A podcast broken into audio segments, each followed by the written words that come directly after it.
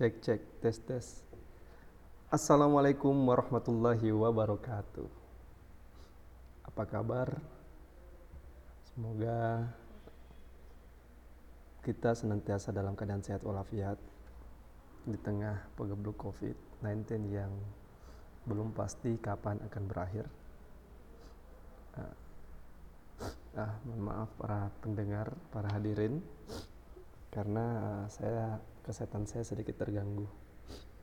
Ya. Uh,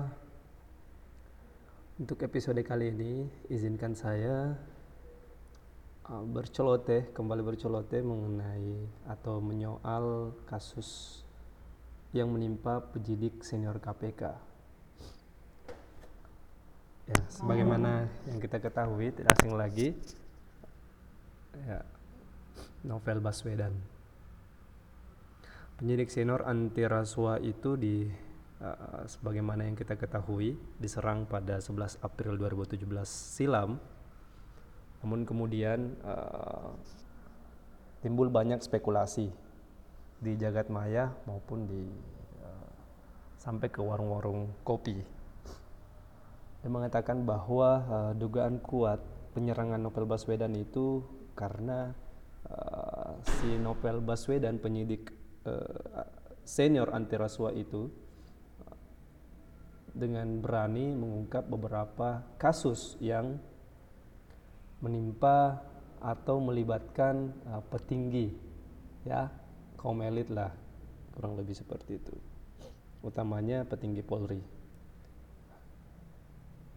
Kita bisa melihat uh, dari sebelum penyerangan kasus Novel Baswedan itu ada uh, perampokan atau perampasan uh, laptop dari salah satu penyidik KPK juga. Lalu kemudian pengungkapan buku merah, ya, uh, kasus buku merah, dan hingga pada 11 April uh, itu penyiraman dini hari. Publik heboh saat itu. Kemudian usut punya usut setelah sekian lama, setelah banyak berganti tim uh, ya tim pencari fakta tim bentukan Polri uh, akhirnya uh, ya bahkan sampai memeriksa sekitar 60-an uh, saksi.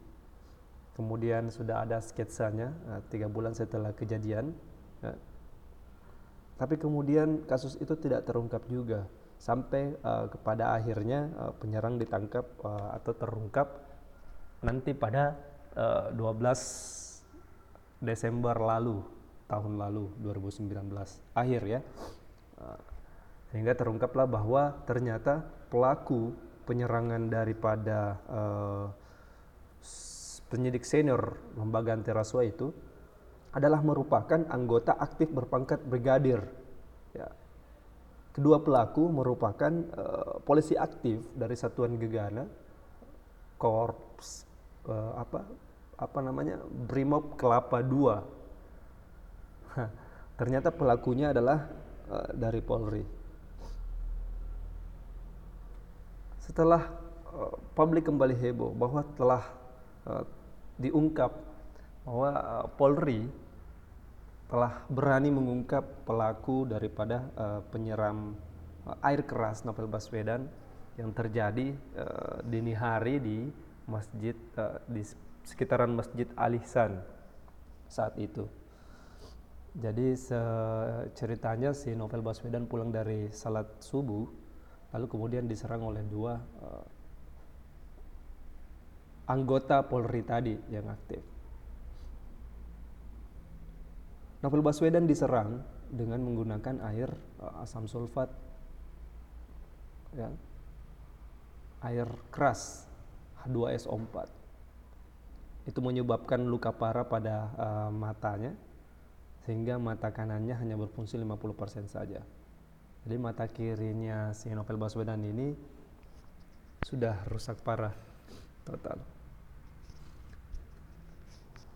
Setelah publik mengapresiasi kinerja uh, Polri mengungkap kasus, terakhir publik kembali dihebohkan oleh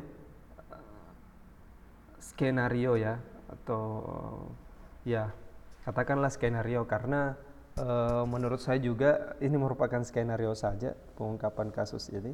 Dan ini tidak betul-betul mau mengungkap siapa sebenarnya uh, dalang di balik kasus penyiraman Novel Baswedan. Karena saya juga sampai hari ini meyakini bahwa uh, anggota Polri yang menyebabkan si Novel Baswedan itu uh, cedera ya pada salah satu organ vitalnya cedera parah pada salah satu organ vitalnya itu uh, merupakan uh, apa lagi namanya semacam suruhan jadi uh, ada dalang di balik ini sebenarnya. Namun pada kenyataannya selama proses persidangan berlangsung itu yang mengecewakan publik adalah si jaksa penuntut umum ya.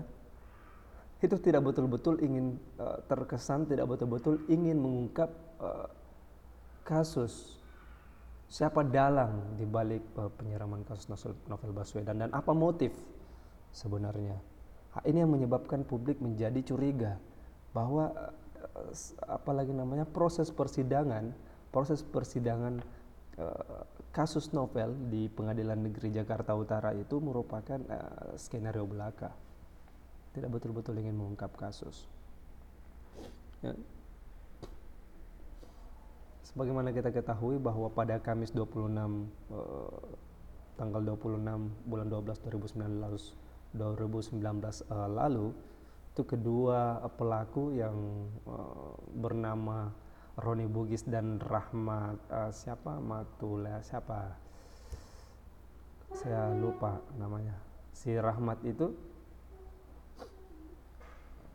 itu uh, di ditangkap. Nah, lalu kemudian proses sidang berlangsung, namun yang bikin publik heboh tadi sikap jaksanya. Sikap jaksanya tidak betul-betul mewakili, uh, bahkan menciderai ya. Kita bisa bilang menciderai uh, hukum yang uh, ada. Jadi terkesan bahwa jaksa itu uh, seolah terus mengeburkan fakta dan terus mengarahkan dalam dakwaan bahwa uh, novel hingga mengalami buta dalam kasus itu bukan disiram dengan air keras. Ya terus kalau bukan saya juga kurang terlalu paham apa yang ada di yang paling menarik ya.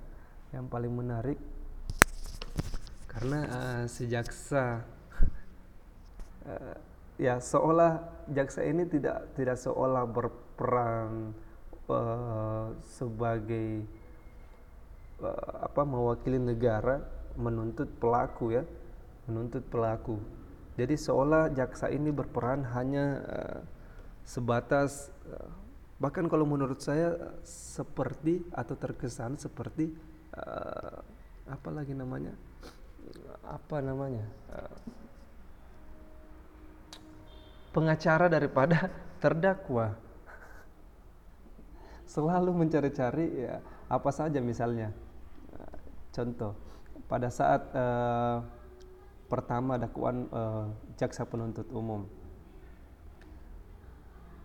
itu terkesan tidak ya seperti yang saya katakan tadi tak ada upaya untuk membongkar siapa sebenarnya aktor aktor intelektual di balik uh, peristiwa itu ya yang terjadi jaksa hanya sampai kepada uh, hanya sebatas siapa pelaku di lapangan itu saja.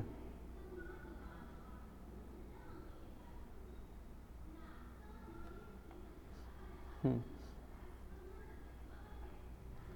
Jadi jaksa ini terkesan tidak memperlihatkan diri sebagai representasi negara mewakili kepentingan korban.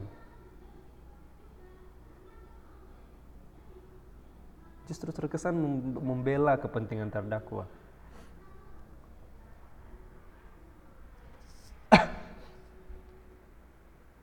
ya, jadi seperti itu. Kalau menurut saya. Kemudian yang bikin janggal, yang ganjil juga, uh, yang kedua terdakwa ini jelas-jelas sudah mencederai institusi Polri, kok masih saja mendapatkan bantuan hukum dari institusi Polri? Nah, ini yang menjadi pertanyaan juga. Polri ini uh, sudah melanggar, sudah mencoreng institusi. Uh, kedua tersangka ini sudah mencoreng institusi Polri. Tapi kenapa saja masih uh, ada? Saya rasa uh, para pendengar juga sepakat dengan apa yang saya katakan bahwa ada yang ganjil di sini dalam pengungkapan kasus. Terkesan menjadi skenario belaka. Jadi uh, apa lagi namanya? Yang paling uh, unik juga yang paling menarik perhatian bahwa si jaksa ini memang kesannya si jaksa ini terus mengaburkan fakta. Sebagaimana yang kita uh, saksikan, itu seolah terus mengarahkan dalam dakwaan novel uh, dalam dakwaannya itu uh, apa si novel Baswedan mengalami buta. Itu karena apa lagi namanya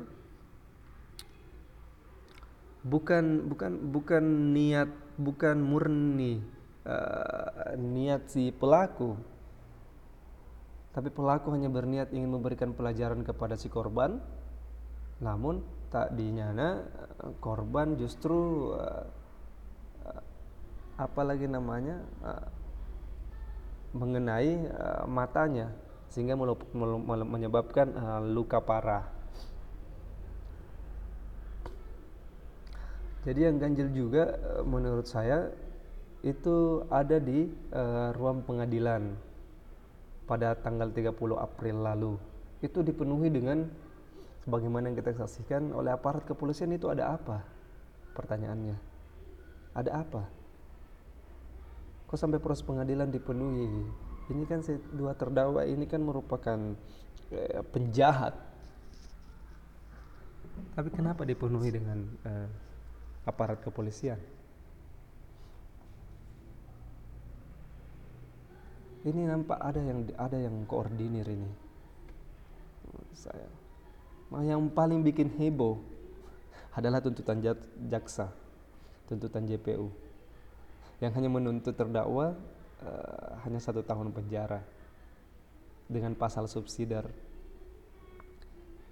karena uh, meski meski JPU sebelumnya menuntut uh, terdakwa dengan di pasal primernya itu adalah pasal uh, 355 KUHP namun uh, seiring berjalannya persidangan menurut uh, keterangan si jaksa uh, itu si pelaku tidak terbukti melakukan uh, apa lagi namanya pelanggaran sebagaimana yang tercantum dalam pasal 355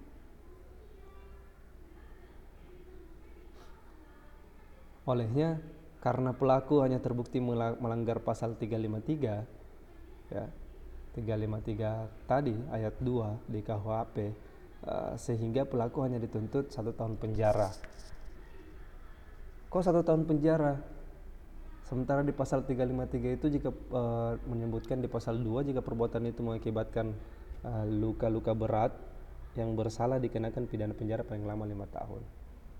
Ancaman pidananya lima tahun paling lama, tapi kok jaksa penuntut umum hanya menuntut satu tahun? Alasan jaksa kenapa demikian adalah karena pertimbangan para terdakwa ya meski eh, hal-hal uh, yang memberatkan itu uh, dalam proses persidangan kan ada hal yang memberatkan terdakwa, ada hal yang meringankan. Nah justru yang yang yang mengganjal apa di benak saya juga adalah hal-hal yang meringankan terdakwa tadi.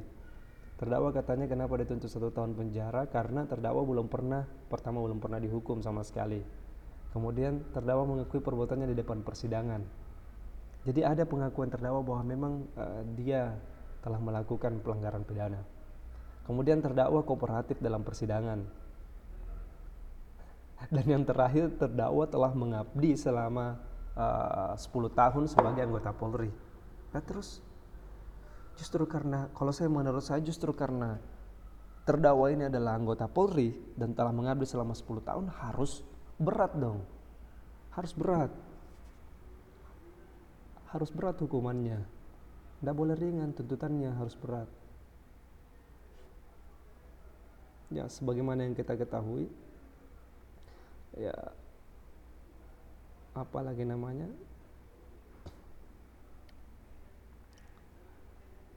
hukum itu kan uh, ada ya untuk memberikan rasa adil. Saya rasa dengan uh, jaksa ini memang keliru.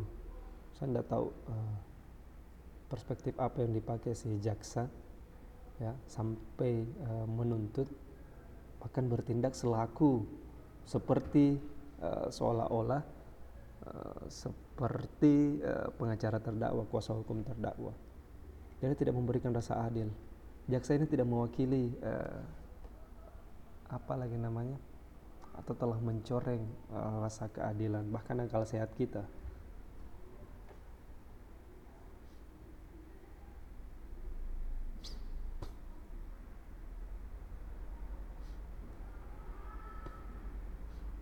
Jadi dalam uh, kemudian hal-hal yang meriankan tadi ada uh, disebutkan oleh jaksa bahwa si pelaku mengakui perbuatannya. Ya, dalam aturannya kita. Ya. Itu meskipun pelaku mengakui uh,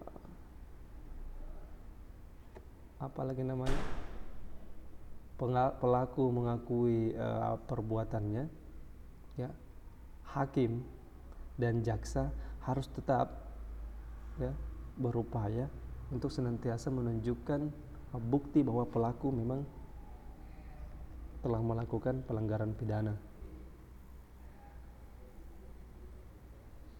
Itu kalau menurut saya.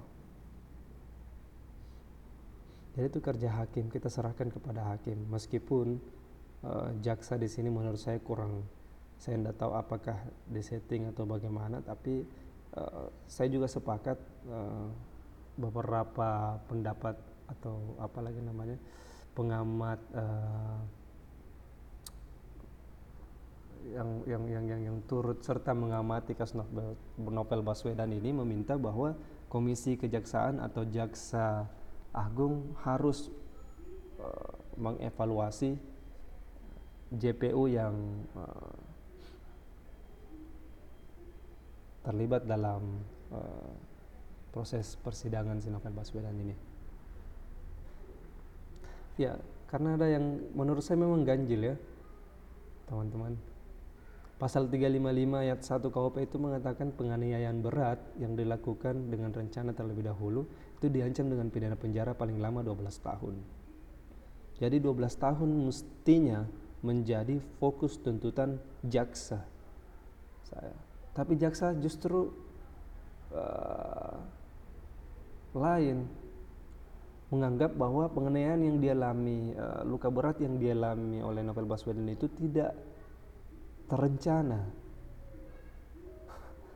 Hah? Tidak terencana. Gila jaksa ini.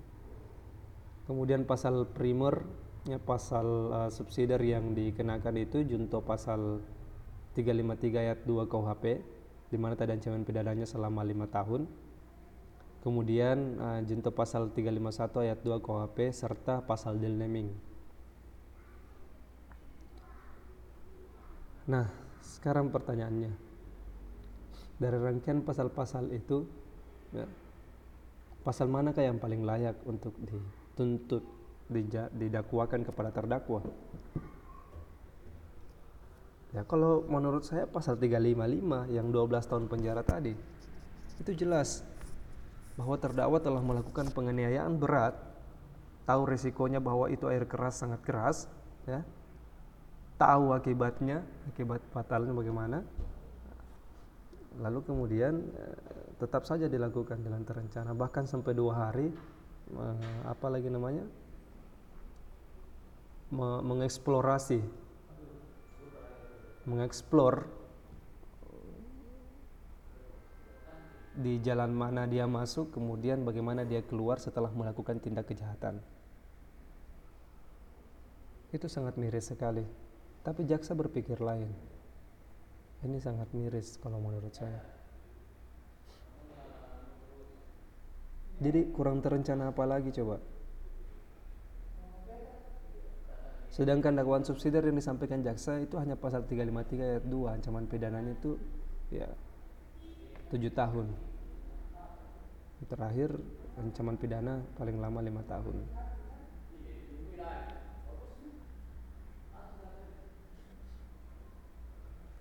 Jadi jaksa jaksa berpendapat tadi yang yang bikin keliru jaksa berpendapat bahwa Rahmat Kadir dan Roni Bugis itu sedari awal tidak diniat tidak berniat untuk melakukan penganiayaan berat terhadap novel.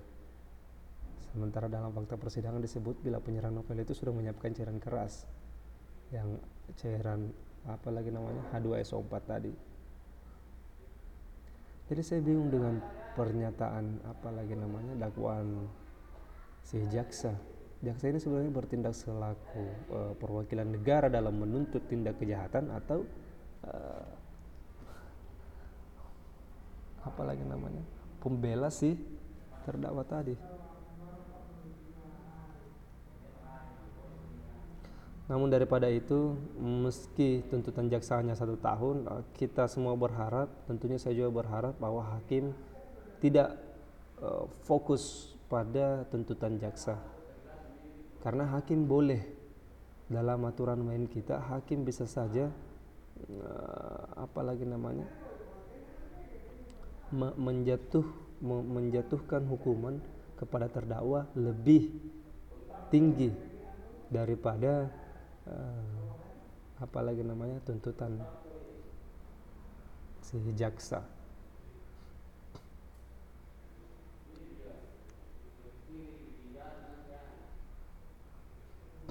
Namun daripada itu hakim harus tetap mencari fokus tidak boleh pasif sebenarnya. Hakim itu harus objektif harus aktif ya, untuk mencari dan menemukan kebenaran materi atau kebenaran sesungguhnya.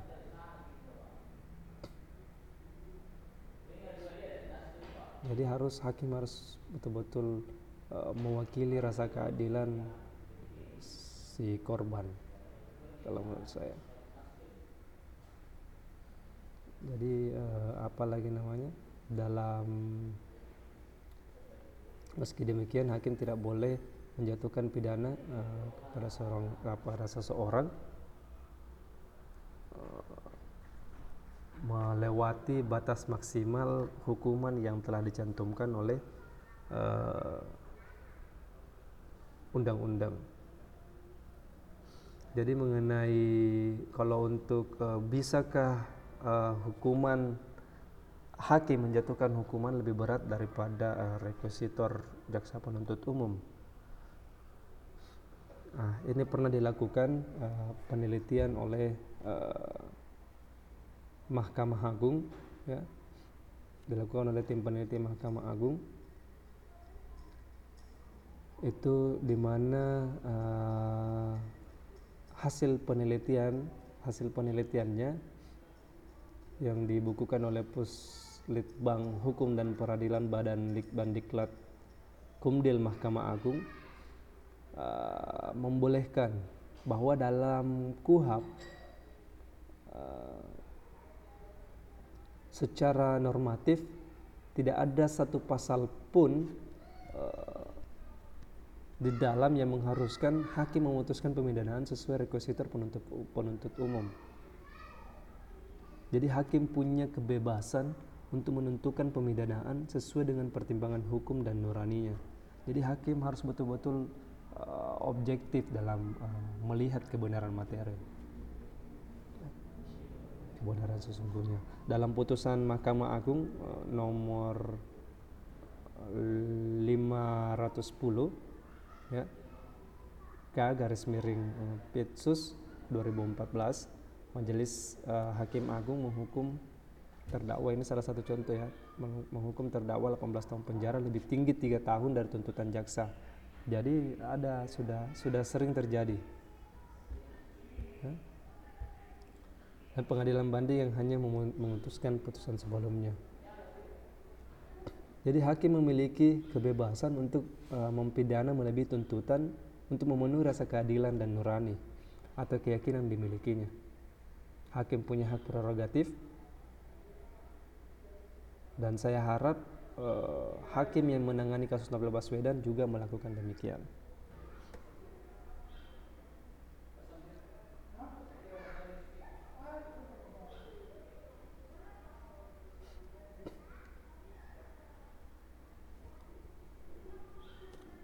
Jadi seperti itu. Uh, kita marilah kita sama-sama berharap kasus novel ini betul-betul uh, menunjukkan bahwa uh, apalagi namanya proses hukum di Indonesia itu belum terkebiri oleh spekulasi-spekulasi uh, sebagaimana yang kita uh, dengar dan saksikan uh, belakangan ini. Banyak menganggap bahwa hukum kita sudah terciderai, telah terkebiri oleh sekelompok elit saja. Namun hari ini kita berharap bahwa kasus novel uh, itu harus menjadi uh, presiden yang baik untuk meneruskan semua spekulasi yang uh, bergulir di masyarakat. Ya meskipun uh, kita berharap hakim tidak fokus meskipun uh, rujukan majelis hakim sebenarnya dalam memutus perkara adalah surat dakwaan jaksa ya, ya memang surat dakwaan jaksa ya bukan uh, tuntutan sebagaimana yang diungkap. Uh, tapi jangan sampai hakim kita tidak menginginkan hakim uh, ya yang kita inginkan itulah. Tidak fokus kepada tuntutannya jaksa tetapi know, fokus kepada bagaimana oh, hakim tetap berupaya memberikan rasa adil itu bahwa si novel ini telah luka parah, cacat parah ya. Kalau menurut saya ya harus. Tuntutan maksimal itu 12 tahun di pasal primer tadi pasal 355 tidak boleh tidak. Nah, untuk itu tadi saya eh, izinkan saya membacakan eh, hasil penelitian Puslitban tadi. Jadi merupakan kewenangan dari hakim memutus sesuai fakta persidangan dan keyakinannya memberikan pemidanaan melebihi tuntutan jaksa penuntut umum jika dirasa adil dan rasional. Jadi kami berharap bahwa memang tuntutan jaksa ini kalau menurut uh, akal sehat kita itu tidak mewakili rasa adil dan uh, nir nirnalar gitu nirrasional jadi amat teramat tidak rasional tuntutan uh, apa yang dirasakan oleh korban kemudian apa yang menjadi uh, tuntutan si jaksa penuntut umum tadi jadi tidak sama sekali mewakili bahkan mencederai akal sehat kita kemudian ditulis lagi apalagi merupakan sebuah realitas bahwa bantuan atau ah tuntutan dari jaksa penuntut umum tidaklah selalu sama atau sesuai dengan batasan maksimal ancaman pidana yang terdapat secara eksplisit dalam peraturan perundang-undangan. Hakim dapat memutus lebih tinggi dari tuntutan jaksa penuntut umum, namun tidak boleh melebihi batas maksimum ancaman pidana yang ditentukan oleh undang-undang. Jadi, hakim mempunyai hak prerogatif seobjektif mungkin memberikan rasa keadilan, namun meski daripada itu tidak boleh melebihi tuntutan daripada uh, batas maksimal yang telah ditetapkan oleh undang-undang. Jadi kalau jaksa tadi menuntut satu tahun, hakim boleh menuntut 12 tahun maksimal. Sebagaimana diancamkan tadi dalam pasal 355.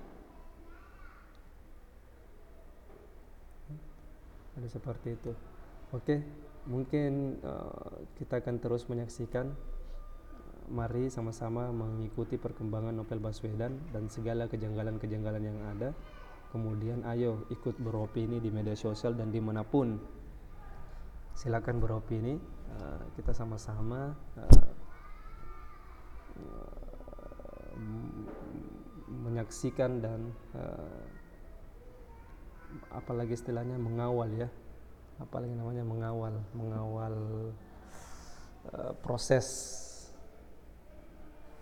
persidangan uh, kasus novel Baswedan jadi uh, terima kasih Mungkin demikian. Terima kasih para pendengar atas waktunya telah mendengarkan celoteh saya. mengenai uh, kasus Novel Baswedan yang menurut akal sehat kita sama-sama tidak menginginkan ya intinya inilah presiden dan semua uh, stakeholder yang punya otoritas mengenai itu silakan sama-sama mengevaluasi itu. Evaluasi kalau perlu hakim uh, kaya turut mengawasi ya komisi yudisial awasi hakimnya.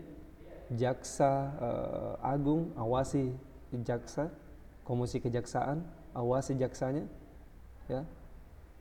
Dan semua kita tidak menginginkan ada yang dikorbankan ada yang dirugikan. Ini jelas. Mari sama-sama mengawal uh, hukum kita.